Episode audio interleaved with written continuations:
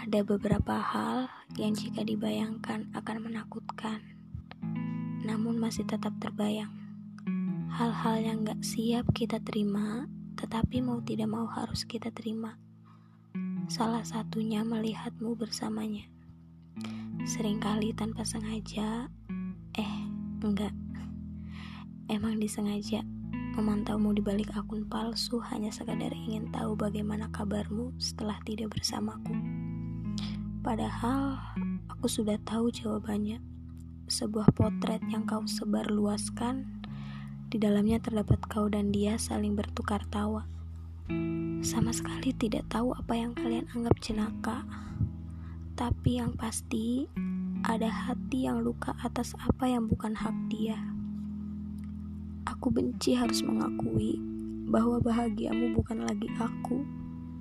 Aku kesal harus mengetahui bahwa cerita sepanjang harimu tidak lagi dibagikan padaku. Aku berantakan ketika harus menyadari bahwa aku asing untukmu, tapi aku harus bisa mengatakan pada diriku sendiri bahwa di hatimu bukan lagi aku yang terukir, bahwa kita hanya sebuah ukiran tanpa pahat akhir. Mungkin kamu akrab dengan kata mengganti, sedang aku tidak pernah siap diganti. Kembalimu selalu menjadi imajinasi rutin setiap hari, walau sudah tahu bahwa kembalimu hanya untuk berpetualang lebih jauh.